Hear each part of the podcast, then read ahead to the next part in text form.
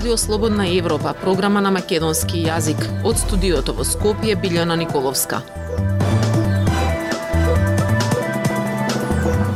Во денешната емисија на Радио Слободна Европа ќе слушате Амбасадорката на Соединетите Американски држави во земјава Анджела Агелер тврди се истражуваат и други личности и организации кои би можеле да завршат на црна листа. Министерот за внатрешни Оливер Спасовски контра ДКСК нема злоупотреба на личните податоци од матичните книги. Иран ги засилува мерките за носење хаджиб за жените. Независни вести и анализи за иднината на Македонија. На Радио Слободна Европа и слободнаевропа.мк. Амбасадорката на Соединетите Американски држави во земјава Анджела Агелер вели дека има повеќе личности и организации кои се истражуваат, но за сега не може да каже кој е следен за на црна листа. Откако вчера беше објавено дека САД покрај градоначалникот на Струга Рамис Мерко, на црна листа го става и бизнисменот Орце Камчев, Денеска на пресконференција амбасадорката потенцира дека е интересно да се види што ќе преземат државните институции. Деталите од Марија Тумановска.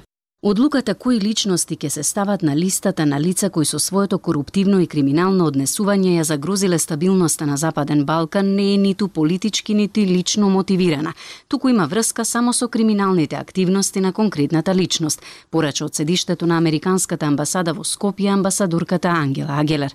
Иако не ги откри имињата кои ќе се најдат следни на проширената црна листа, откако на неа се најдоа бизнисменот Орце Камчев, предходно струшкиот градоначалник Рамис Мерко и македонската софтверска компанија Сайтрокс, таа изјави дека процесот е темелен и дека за секоја личност која ќе се најде на листата ќе значи сериозни финансиски импликации. So the important thing I would note for all of you in terms of any of these designations, whether it's from State Department, whether it's from Treasury, whether it's from Commerce, is the fact that for us, this is 100% not personal and not political. Најважното нешто е што сите овие одлуки, било од State Department, од Министерството за економија или друга институција, се 100% неполитички и не е ништо лично. Ова е според правото на САД. Ние се водиме од правото. Ако институциите најдат докази за каква било злоупотреба, мора да реагираат и за индивидуите да превземат соодветни мерки посочи Агелер. Американските власти сметаат дека Камчев интензивно се занимава со корупција повеќе од една деценија, како и дека го искористил своето коруптивно влијание и богатство за да манипулира со судскиот систем на Северна Македонија во негова корист. Агелер тврди дека Соединетите држави ќе ги употребат сите алатки со кои ќе се овозможи сите оние кои се вклучени во коруптивни активности да одговараат без разлика на нивните позиции и моки. Сепак истакна дека ќе биде интересно да се видат наредните чекори кои ќе ги превземат домашните институции. It's not for me as the American ambassador in Skopje to tell any institutions what they should do as a follow-up. Не е до мене како американски амбасадор во Скопје да и кажувам на која било институција што следно да направи. Бевме во можност да најдеме доволно докази против овие личности и тие докази се собрани овде во земјава.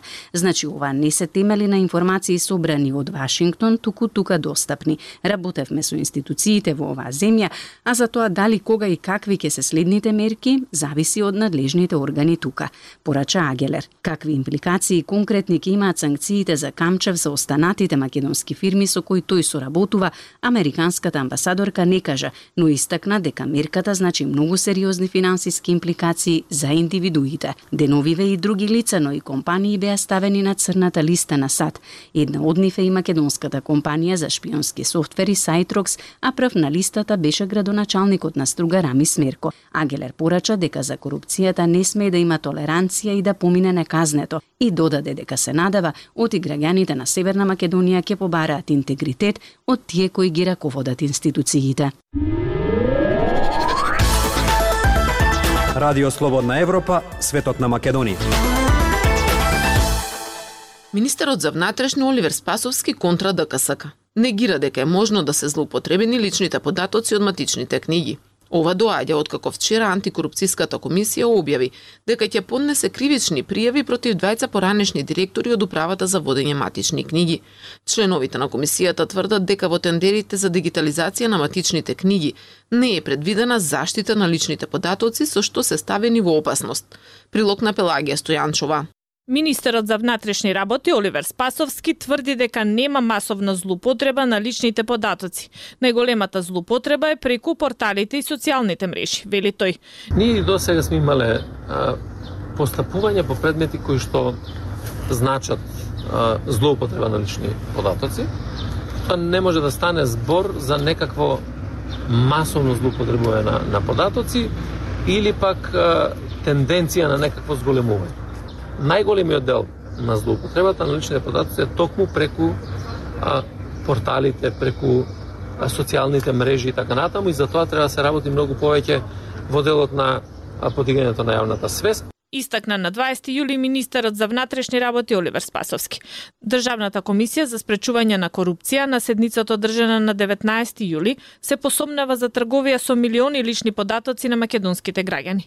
Сомнежите се поврзани со фирмата Новатек Инвадуел, која го добила тендерот за дигитализација на матичните книги со податоци зумрени, родени и венчани, спроведуван преку правата за водење на матични книги.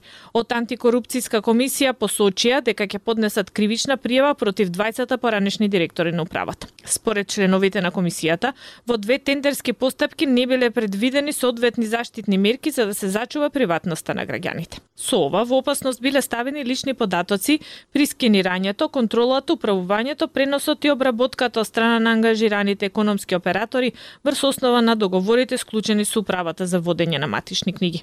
Личните податоци, велат од антикорупцијска комисија, не се класифицирани за да се сметат за доверливи активи, туку истите подлежат на висока заштита регулирана согласно со легислативата за заштита на личните податоци. Директорот на управата за водење на матични книги донел одлука за избор на најповолен понудувач на 24 февруари 2021 година и избрана била фирмата Новатек Инва Доел Скопје во конзорциум со економскиот оператор Аукта Доел Скопје. Фирмата Новатек била основана непосредно пред започнување на постапката за доделување на договорот за јавна набавка. Имаме ситуација на изразени ризици дека се изнесени лични податоци на граѓани на оваа држава од страна на управата за водење на матични книги преку економски оператори што го добиле овој тендер и нивната меѓусебна поврзаност изјави Владо Ѓоргиев, член на ДКСК.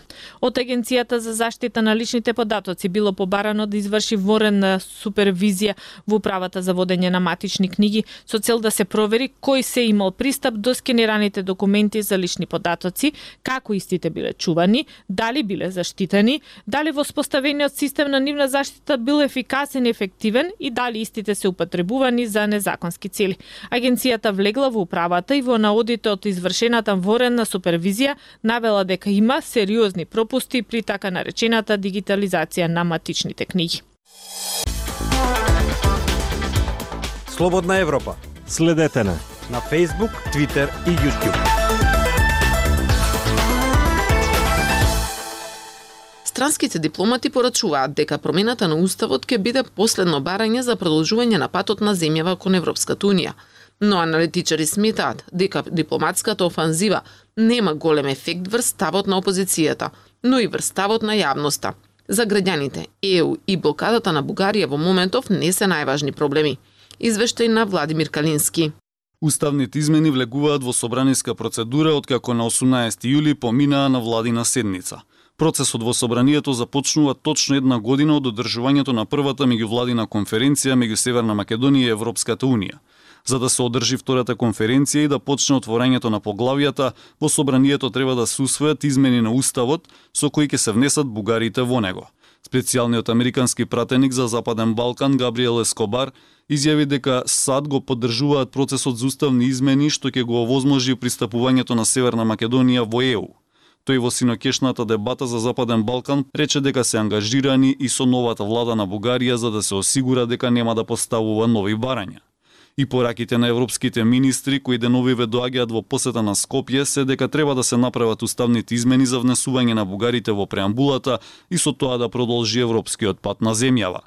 Но за дел аналитичари со кои разговаравме, ефектот од ваквите пораки во јавноста не е голем, со оглед на искуството со подпишувањето на преспанскиот договор и уставните измени од 2019 година за промена на името, кој тогаш се сметаше дека се последниот услов за продолжување на европскиот пат, но преговорите повторно беа блокирани. Секако дека сите подршки што дај од надвор, особено од членките на Европската унија и од различни организации од ова, од ова организација се корисни и не само што се корисни, туку повеќе се доказ дека интересот за Европската унија за наш напредок во правец на евроинтеграцијата е и нивна желба. Да, од друга страна, ние гледаме дека овие иницијативи не вродија со голем успех во минатото. Вели за Радио Слободна Европа политичкиот аналитичар Ибрахим Мехмети. Тој додава дека пораките кои доаѓаат од ДЕУ главно се насочени кон опозицијата, но според него прашање е колку тие можат да влијаат врз неизиниот став за уставните измени. Од ВМРО ДПМН и натаму велат дека се за влез во ЕУ, но не за уцени од страна на Бугарија. Прво Вишеградската, а во изминативе два дена и Вајмарската тројка министри имаше средби со македонскиот државен врв и опозицијата.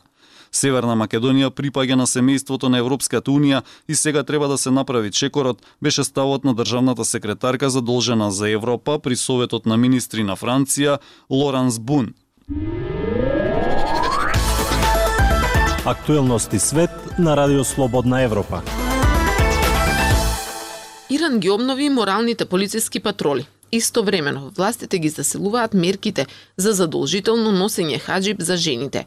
Полицијата за морал беше под меѓународна лупа откако младата иранка Макса Амини почина, откако беше однесена на превоспитување во притвор. Тамара Дичовска ги има деталите. Должностите на моралната полиција вклучуваат обесхрабрување на разуздани форми на забава или облекување, казнување на возачите кои дозволуваат жени во возила без шами, како и затворање концерти и други настани каде луѓето се однесуваат неисламски. Овие сили за спроведување на законот во Иран изрекоа произволни казни кои се движеа од вербални опомени до парични казни, апсење и тепања.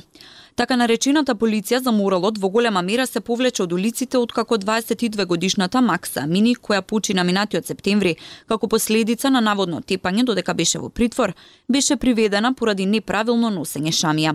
Властите вела дека смртта била предизвикана од срцев удар. Смртта на Мини предизвика масовни протести. Со пристап до оружје, центри за притвори, контрола врз центрите за превоспитување, полицијата за морал има голема моќ во општеството, изјавиле за CNN од Human Rights Watch, иако тие се под санкции од САД и од Европската Унија.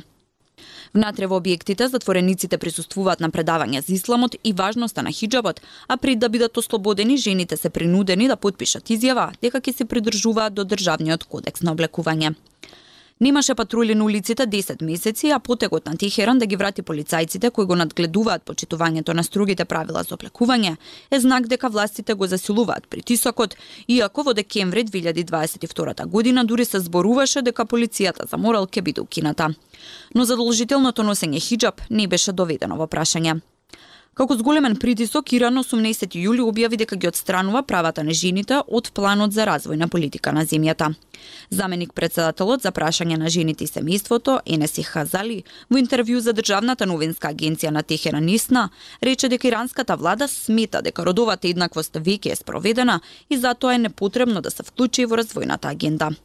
Полицијата за морал или како што се нарекуваат уште патроли за усмерување, најпрво ќе издава предупредувања на оние кои ќе инсистираат на кршење на обштествените норми и носат облека што не е според правилата. Доколку лицето продолжи да не ги почитува советите кои им се дадени, според изјавата на сајт Мантазер Алмахи, портпарол на иранската команда за спроведување на законот, единиците легално ќе се соочат со нив. Не е разјаснето што точно значи правна опозиција. Борбата на иранските власти против лошиот хиджаб, што значи неправилно носење шамија и друга задолжителна облека, започна веднаш по исламската револуција во 1979 година со намера да ги принудат жените да се облекуваат скромно. Додека многу жени во тоа време се облекуваа така, мини здолништа и непокриена коса не беа невообичаени на улиците на Техеран пред да биде соборен прозападниот чах Реза Пахлави. Неговата супруга Фара често носеше западна облека и беше пример за модерна жена. Ја слушавте емисијата на Радио Слободна Европа, програма на македонски јазик. Од студиото во Скопје со вас беа Билјана Николовска и продуцентот Дејан Балаловски.